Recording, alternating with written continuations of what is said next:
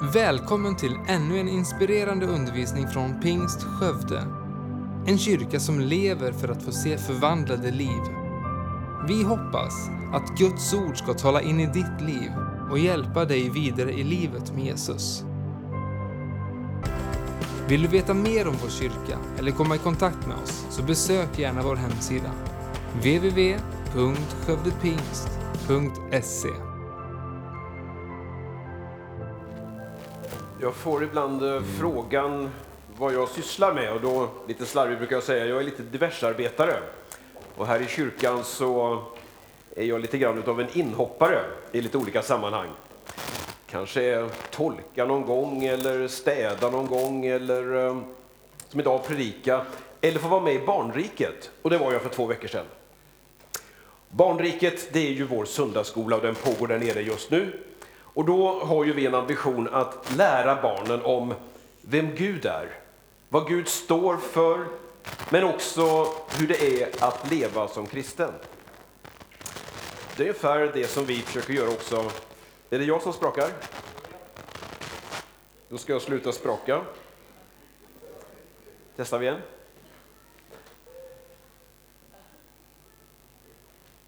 Då testar vi. Då. Har vi en lektion som handlar om eh, Gud har skapat människan till sin avbild. Jag är där, det är nio barn, de är mellan 9, 10 och 11 år. Och så ska jag berätta om det här, vad det innebär då att vi har en levande Gud som älskar oss. Och han älskar oss så mycket så att han har skapat varje människa så att varje människa är unik. Vi är inga kopior utan alla är vi original och alla har ett värde. Och så läser vi Bibeln och där sitter de här 9-10-åringarna. Efter en liten stund när jag har hållit på, för jag skulle försöka förklara vad är det som är alldeles speciellt unikt med en människa. Så försökte jag säga det och ta en bild utav det här med eh, någonting som utmärker oss, nämligen våra fingeravtryck. Och så beskriver jag vad ett fingeravtryck är och försöker hitta en förklaring till det. När jag har hållit på en stund så säger Alice, hon satt alldeles nyss här nere, så säger hon så här, du, vi vet vad fingeravtryck är. Ja, säger jag. Vi har ju iPhone. Och i det ögonblicket i barnriket så eh, blir det ju en liten fundering för mig. Vad har Bibeln med en sån här, en iPhone att göra? Jag har alltså ingen aning. Och då hade jag ju ett val i det ögonblicket.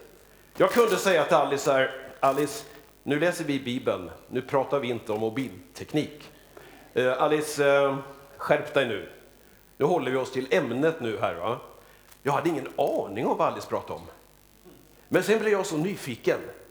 Och då tänkte jag så här, Alice, vilken koppling finns det mellan en fingeravtryck och en iPhone? Och då började Alice berätta för mig. Och så satt då de här andra barnen, 9, 10, 11-åringarna. Och så började de berätta för mig om hur knepigt det är med koder när man ska logga in sig på en iPhone. Och hur man kan använda fingeravtryck för att förenkla genom att lägga det på den här knappen här. Och då säger jag så här, det där vill jag veta mer om. Och sen gick vi och fika och sen har de då en liten lektion med mig där de berättar och så ställde de in min iPhone. Så nu så lägger jag bara min tumme här och så startar den och det är en säker inloggning för mig. Varför berättar jag nu det här? Jo, jag tänkte idag att vi skulle läsa några bibelord tillsammans och sätta ett tema för den här gudstjänsten. Och det står så här i Andra Korinthierbrevet 9. Och har du en bibel så ta gärna... Då byter vi. I Andra Korinthierbrevet 9 så undervisar Paulus om det kristna livet och vad det innebär. Och då står det så här i eh, den sjätte versen, och vi läser det lite längre sammanhang här. Ska jag bara slå upp rätt här också. Det jag har för er som kan se så finns det lite bilder, men för er som lyssnar på radion ska jag vara noga med att försöka förklara här också. Kom ihåg, den som sår snålt får en snål skörd, och den som sår rikligt får en riklig skörd. Var och en ska ge som han har beslutat i sitt hjärta, inte med olust eller av tvång, ty Gud älskar en glad givare.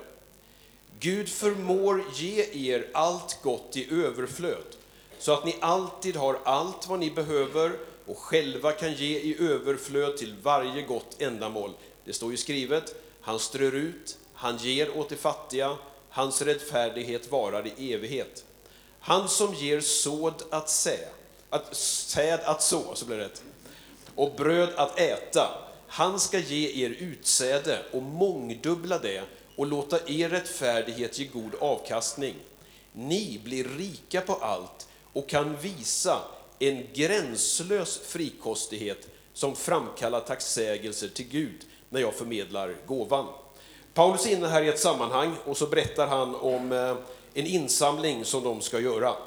Och så finns de där orden som står i det här sammanhanget nu här om att eh, vi ska visa en gränslös frikostighet och en uppmaning att vi ska dela med oss. Jag satte rubriken idag Var generös. Och det kommer jag att säga, jag hade ingen aning om att det på omslaget på bladet, vad var det stod? Vi är generösa. Det känns ju som kanske att det är något budskap här idag när vi gör saker oberoende av varandra och så kommunicerar vi samma sak sen här. Eh, men eh, det här med att vara en kristen, det här som då jag började berätta om att vi försöker lära ut i, eh, i barnriket, det handlar ju om då ett eh, ord som i sig handlar om att man vill ställa sitt liv till Guds förfogande och man vill leva så att man lever likt Kristus.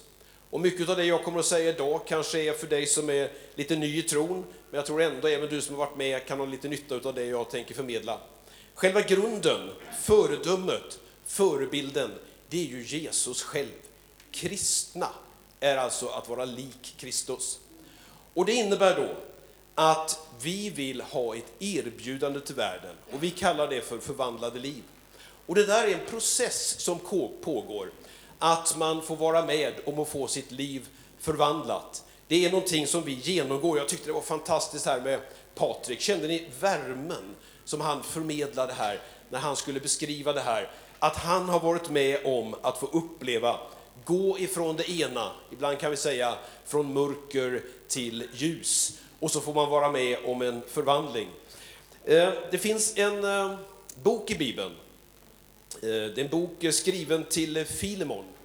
Det är Paulus som vädjar om en slav som heter Onesimos. Och där säger Paulus någonting som är lite märkligt, för han vädjar till, till Filemon. Och då säger han så här, att jag säger detta till dig både som människa och som kristen. Alltså det är någonting i det här begreppet, när man följer Jesus, som gör det att man är lite annorlunda också som människa. Jag har eh, någonting här som jag vet faktiskt inte riktigt vad det heter på svenska. Man kan plocka upp det på något speciellt sätt så här. En del av jag ska ta en annan bild, inte den just som jag har här, men på engelska heter det här eh, cameo. Jag tror det heter kame på svenska. Stämmer det? En del har det här. Det är nog ingen hit om ni ska ge en 18-åring en present och ge sånt här. Men eh, för en del äldre så, så har man den här typen av broscher. På eh, latin så kommer det här ifrån ett ord som heter cameo och det är det som man använder direkt på engelska, ordet kamé. På grekiska så heter det där karakteristico, alltså karaktär. Och själva inne, idén med det här är ju att man tar en, eh, någon typ av sten eller en snäcka och sen då så gör man en cameo-process. Det betyder att eh, i det här hårda materialet så börjar man att rista eller man börjar att karva. Och själva det här ordet då, som nu man använder då, det handlar om en process där man är med om att jobba fram någonting. Förr sa man ibland det här ordet karaktärsdaning. Alltså att man var med om att i sitt liv få möta olika saker så att man formades och på ett speciellt sätt. Och när vi nu talar om förvandlade liv och vi säger det här att det, det ska också återspeglas i vardagen. För det är ju ingenting bara när vi går här i kyrkan, utan det är liksom ett sätt att leva. Och vad är det då som är kännetecknande drag för en kristen? Och vad är det som är kännetecknande drag hos dig? Det vill säga då, vilka drag finns hos dig? Eller kanske är det så att det är någonting som behöver karvas fram, som behöver slipas fram. Min uppmaning idag, det är att vara generös. Det kommer jag tillbaka till flera gånger här. Så här säger en del lärda. Vad ska jag med karaktär när ingen annan är här? Jag tror jag tar en kaka till. I ensamhet gör jag vad jag vill. Karaktären är som ett träd och ryktet är som skuggan. Skuggan är vad vi tror om den. Trädet är på riktigt. Karaktär, ja, det är summan av en persons val. Varje människa har tre karaktärer. Den hon visar, den hon har och den hon tror hon har. En eh, person avslöjar aldrig så tydligt sin karaktär som när han beskriver en annans. Det här är inte Bibeln, men det är bra ändå tycker jag. Eh, det här, det här beskriver lite grann utav eh, inre personlighetsdrag, levnadsstil eh, och vad det är som då ska vara så att det som är här inne ska också då återspeglas i det yttre. Jag skulle vilja ha tre uppmaningar idag som jag skulle vilja liksom på något sätt försöka få in i ditt liv. En uppmaning till att du ska vara generös med din tid. Att du ska vara generös med din kunskap, din livserfarenhet. Men också att du ska vara generös med det du har, med dina tillgångar. Man kan ju fråga sig så här, hur mäter man generositet? Och det är nog inte så lätt. Men jag tror inte att generositet kan uttryckas med hur mycket man ger, utan snarare med hur mycket man själv har kvar. Det var Jesus, alltså ibland undrar jag, jag ska läsa flera bibelexempel om Jesus. Alltså, han, han satt en dag och tittade på när en kvinna skulle komma och eh, dela med sig av sitt offer. Han sätter sig mitt för tempelkistan och så ser han hur folk lägger ner pengar i den. Det var en del rika och när de kom dit och gav så gjorde de stort väsen utav det. Men så kom det en fattig änka och hon la ner några korv, korvöron på att säga, men några ören, några kopparslantar. När, när Jesus ser det här så kallar han till sig sina lärjungar och så säger han så här, sannerligen, den där fattiga änkan har lagt ner i tempelkistan mer än alla de andra. De gav av sitt överflöd, men hon gav i sin fattigdom allt hon ägde, allt hon hade att leva på. Och då kan man ju fundera, vem var det som var generös här egentligen? Jag ska ge några exempel och jag ska lyfta fram några människor, inte för att peka ut, men, men bara, jag tycker det är så fantastiskt att få möta generositet. Eh, ibland överhör man saker. Jag åker mycket kollektivt och då hör man mängder av saker på tåg. Men jag stod här ute i foajén och så var det en eh, äldre man, plus 80, den kategorin, som eh, mitt framför ögonen på mig kramar om en av de yngre tonårstjejerna som har stått här på scenen och sjungit. Och så säger han så här, fantastiskt, och så la han handen om henne och så började han berätta för henne om sitt liv och delade lite erfarenheter. En äldre man delar med sig till en yngre kvinna. Det är det vi kallar flergenerationsmöten. Det tycker jag är att vara generös med sin livserfarenhet och sin kunskap. Att man delar den till yngre människor. Det här att dela med sig, att vara generös, det kan man göra på väldigt många olika sätt. Och man kan ha, man kan ha olika bilder. Betty som sitter där nere, hon är snart hundra. Det är inte många av oss som går i kyrkan. Hon sitter där nere på bänken nu. Hon kom in här i kyrkan när ungdomarna hade ansvar för ett möte. Och det såg inte ut som det brukar. Det var en eh, rökmaskin. Och det var de mest konstiga draperier man kunde ha. Och det var ljus och det blinkade lampor och det stod stora ställningar här.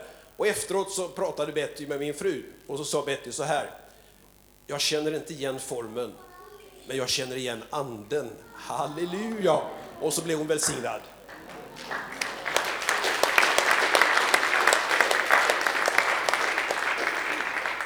Det är att vara generös. Att låta en ung generation få komma fram.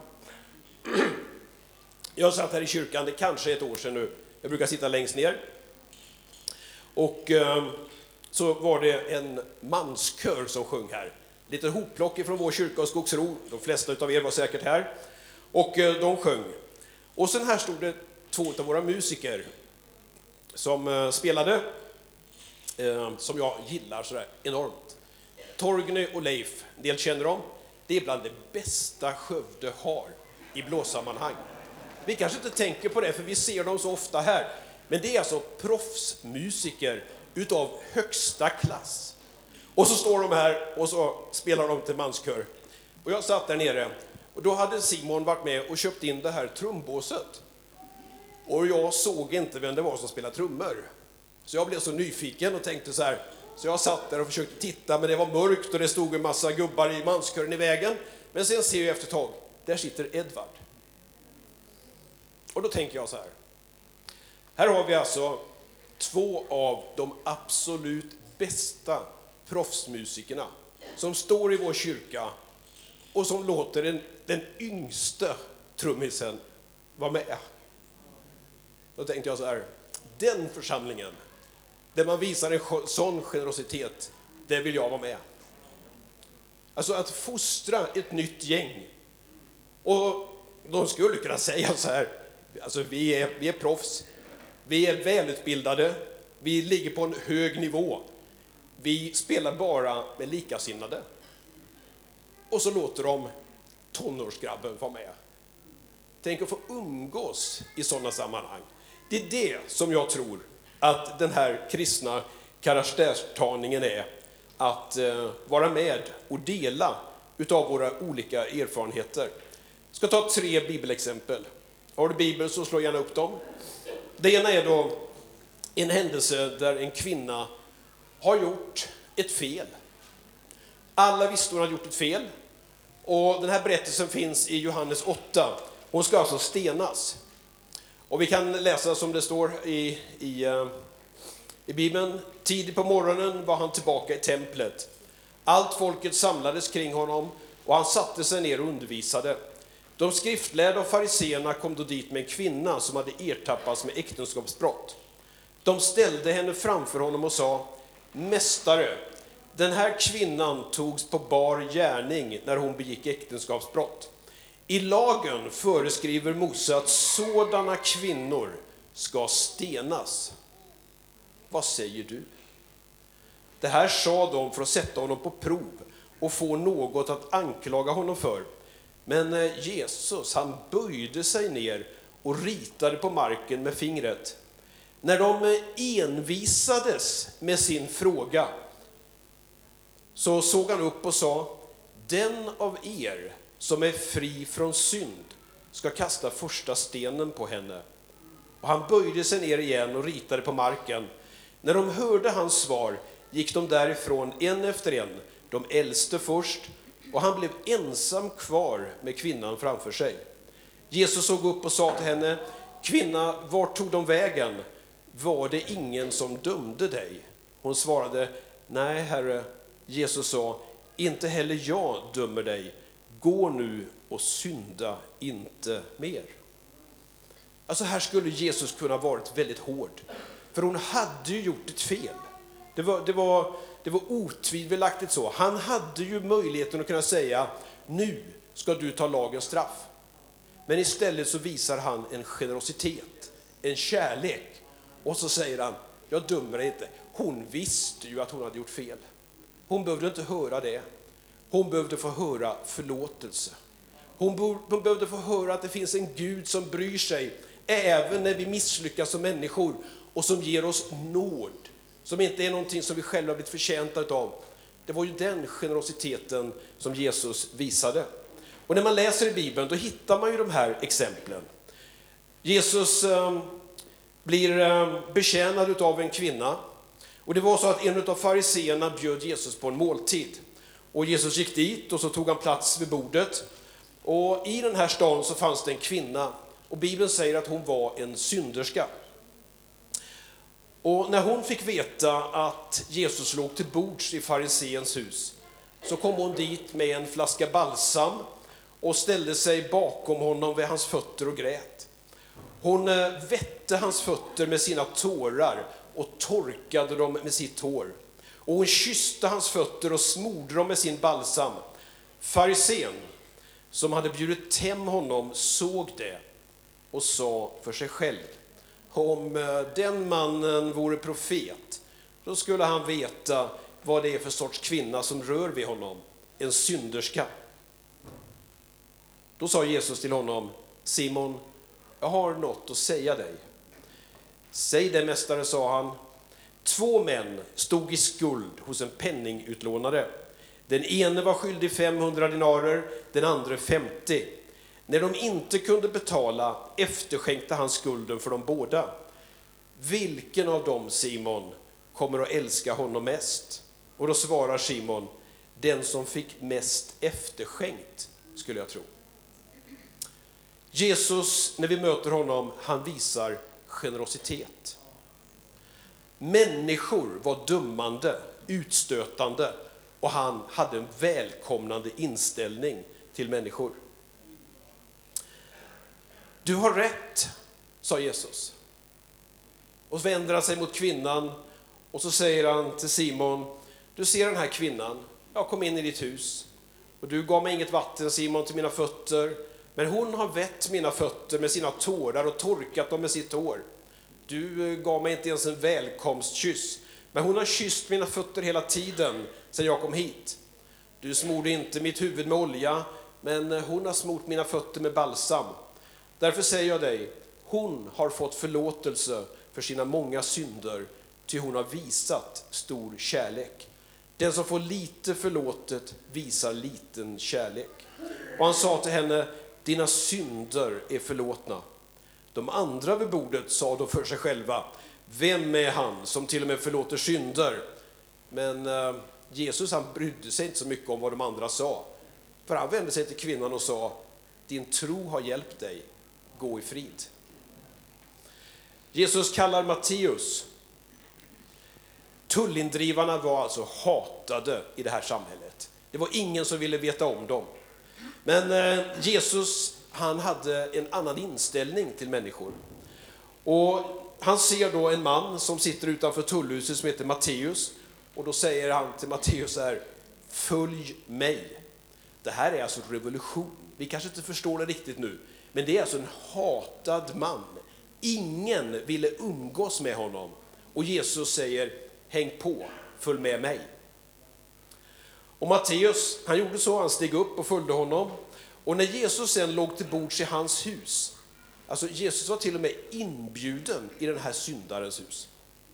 Och när han låg till bords i hans hus så kom många tullindrivare och syndare dit och la sig till bords tillsammans med honom och hans lärjungar. Fariseerna som såg det sa till lärjungarna, hur kan er mästare äta tillsammans med tullindrivare och syndare?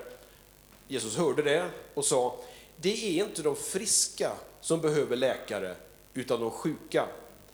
Gå och lär er vad som menas med orden, barmhärtighet vill jag se och inte offer, ty jag är inte kommit för att kalla rättfärdiga, utan för att kalla syndare. Alltså, Bibeln är fylld av exempel där Jesus visar generositet till människor. Och om det nu är så då att vi är kristna och lika honom, då är det nog så att vi också ska visa en generositet till andra människor. Men det innebär inte att när man är generös, att man är slapp. Det innebär inte att man alltid har ett tillåtande klimat för precis vad som helst. Det är en del i livet att hjälpa andra och sätta gränser. Som förälder får man ofta göra det. Mina barn, de eh, sa ofta så här, alla andra får. Mm. Det kom väldigt ofta. Och varför skulle vi ha en gräns när alla andra får? Men som förälder så måste man sätta gränser ibland. Ibland så är det så även eh, bland kompisarna. Det kanske drar iväg. Det kanske är så att orden, talet, det passerar någon slags gräns som man själv inte gillar. Och då gäller det också att man säger till. Som församlingsledare så är det nog vår skyldighet att ibland säga till när gränser passeras som inte då kan anses då vara bibliska gränser. Det kan också vara så att i ditt grannskap, att du måste vara med och markera, eller som medborgare, det vi ibland kallar för civilkurage. Det här med karaktärsdaning, det kan vara smärtsamt. Att göra den här generositeten och inte bry sig om vad det är man är generös till, det är väldigt lätt, men det kan vara lite slappt. Men däremot att vara så generös att man går in och vägleder en annan människa så att den människan kan få korrigera sig lite grann. Det kan ibland vara smärtsamt och det kräver något här inifrån. Karaktärsdaning, det handlar om att Gud vill karva fram, rista fram någonting. Och ibland så är ju bilden av en krukmakare som formar ett kärl. Och ibland går det snett. Och så är det med oss också att den där klumpen som vi är, den faller ihop. Men då så gör Gud om det här, så gör han en ny process och är med. Och ibland kan det vara smärtsamt, rejält, att omformas. Jag hade en eh, väldigt klok pappa. Och jag ska berätta en historia, den är kanske lite speciell, men min pappa var väldigt generös. Men eh, han hade inte sådär jättemycket pengar, eller min, min familj då. Och när jag var 14 år så hade jag en stor önskan. Och det var att få köpa en motorcykel när jag blev 16. Och då så förklarade min mamma, hon var väldigt ekonomisk och kunnig på det, då sa hon så här, du måste göra en budget. Och så började jag att jobba när jag var 14 år och så jobbade jag när jag var 15 år och målet det var att samla ihop till en motorcykel. Men när man blev 15 så fick man köra moped. Och då sa min pappa så här, du kan nog inte både köpa mopeden och motorcykeln. Utan du får vänta ett år och samla på, så kan du köpa motorcykeln sen. Så var det så här att min pappa hade en gammal moped. Den eh, stod i garaget hemma och då sa han så här att du kan få min moped, men den fungerar inte. Så du måste renovera den först. Det var ju en fin gåva. Det var en Husqvarna Roulette hette den. Och så plockade vi isär den här mopeden. Jag var väl lite, alltså på väg att bli 15 och så skulle vi renovera mopeden. Och min pappa gick noga igenom hur en moped fungerar. Och det var jättelätt att ta isär mopeden. Men sen skulle den ju plockas ihop igen. Det var inte lika lätt. Och då satt min pappa i garaget hemma och så berättade han för mig hur jag skulle göra. Så gjorde jag det. Och en dag när jag var 15 år så kunde jag köra på den mopeden. Och mopeden gick sönder. Och jag kom hem till min pappa och sa, pappa, nu är det här trasigt. Och då säger jag så här, ja vad är det som är trasigt? Då skulle jag förklara, jag hade ju inte termerna. Och då tog han ofta papper och penna. Och så satt han i garaget med mig. Och jag slet. Och jag var smutsig och det var så... Och jag blev så arg på min pappa. Han kunde allt i mina ögon när jag var 15 år. Men han kunde inte hjälpa mig. Och jag, jag, var, jag var ibland så arg och jag sa så dumma saker. Och han satt där och han ritade. Han var ingenjör och ingenjörstyper de är lite speciella sådär. Det var ritningar och det var skisser och det var förklaringsmodeller och sådär. Men jag behövde ju någon som... Ja. Och så sa han, du måste ha rätt verktyg. Och så visade han då, eller han berättade, och jag fick själv pröva på. Jag fyller år i januari, så jag fick moped rätt så tidigt. Fram på vårkanten så fick en del klasskompisar moped. Och många av dem, jag var lite avundsjuk ibland, för deras föräldrar köpte nya, blänkande, fina mopeder. Och jag körde på den här, ja, gamla. Men även nya mopeder gick sönder. Och så säger någon av mina kompisar, det här är ju en kass moped. Den fungerar ju inte. Ja, men jag kan lyssna på den, sa jag. Och säga så här, ja men det är fel på tändningen. Vadå tändningen? Ja, men vi plockar av tändstiftet. Jag hade en verktygslåda med mig alltid när jag åkte moped, för det gick nästan alltid sönder. Så jag, jag fixade mopederna till mina kompisar. Och så kunde jag ta fram ett tändstift och de sa så här, vad är ett tändstift? Och så kunde jag förklara tändstiftet, hur det skulle vara och ställa in det på rätt sätt och sådär och se till då. Va? Och så där höll det på ett tag. Jag, jag förstod aldrig riktigt vad det var som jag hade varit med om. Mark Twain, han sa så här. När jag var en pojke på 14 år så var min far så okunnig att jag knappt stod ut med att ha den gamle mannen i huset. Men när jag hade blivit 21 var jag förvånad över hur mycket han hade lärt sig på sju år.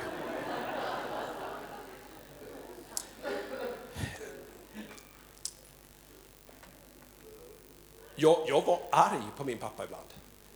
Han bara satt där. Men vad var det han gjorde? Han delade sin tid. Han delade sin livserfarenhet. Mopeden var det som han hade råd med. Men jag lärde mig någonting fantastiskt. Och jag drar parallellen att som min pappa var, så är Gud i himlen mot mig.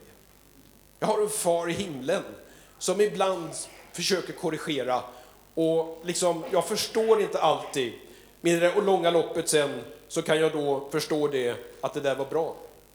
Man kan säga så här, att vi behöver gränsmarkörer. Vi behöver vissa gränser. Och det är så att i generositet och i frihet så är det så lätt att vara tolerant och tillåta allting. Men jag tror att det är väldigt vist och klokt när ni som har lite längre livserfarenhet delar med er så att de som är yngre inte behöver upprepa samma misstag som ni en gång gjorde. Att dela utav sin livserfarenhet. I första Korinthierbrevet står så här. Allt är tillåtet för mig, men eh, allt är inte nyttigt. Allt är tillåtet för mig, men ingenting får ta makten över mig. Och lite senare skriver Paulus igen, allt är tillåtet, men allt är inte nyttigt. Allt är tillåtet, men allt bygger inte upp. Och karaktär, det handlar om att själv sätta sin gräns och vara sin egen gränsmarkör. Det är mognad, kan vi säga.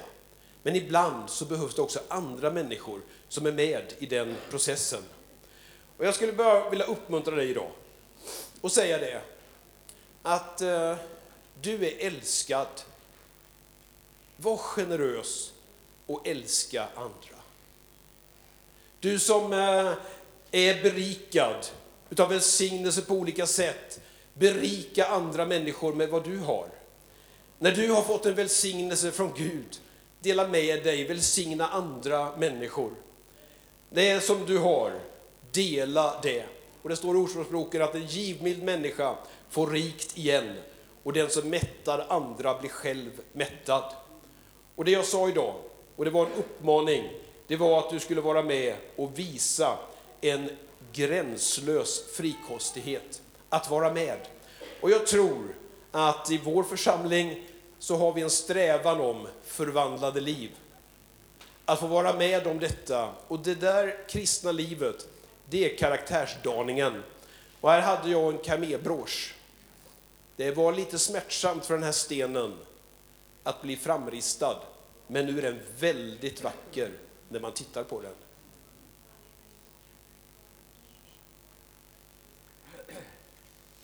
Jag skulle önska att det här som jag har sagt idag, att det får liksom sjunka ner i ditt liv.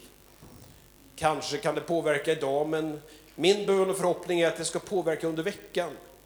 I ditt umgänge, i dina relationer på olika sätt, där du kan få vara med och vara en generös människa. En som delar frikostigt. Det kan vara smärtsamt, men då är Gud med och hjälper dig i den processen också. Herre, jag bara tackar dig för ditt underbara evangelium. Den goda nyheten där vi får lära oss vad det innebär att vara lik dig och formas av dig. Och Herre, jag bara ber om välsignelse över hela vår församling. Att vi ska få vara en sån där generös grupp människor som delar med oss, som berikar andra och som är utgivande. Och Herre, hjälp oss att inte vara hårda och dömande.